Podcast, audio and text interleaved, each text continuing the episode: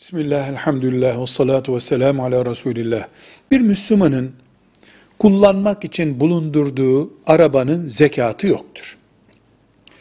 Arabam eskidi, modeli eskidi, satayım yeni araba alayım diye sattığı arabanın da zekatı yoktur. O parayı bütçesine katar, bütçesinin zekatını verirken verir. Ama satmak için araba alan birisi her yıl o arabanın zekatını verir.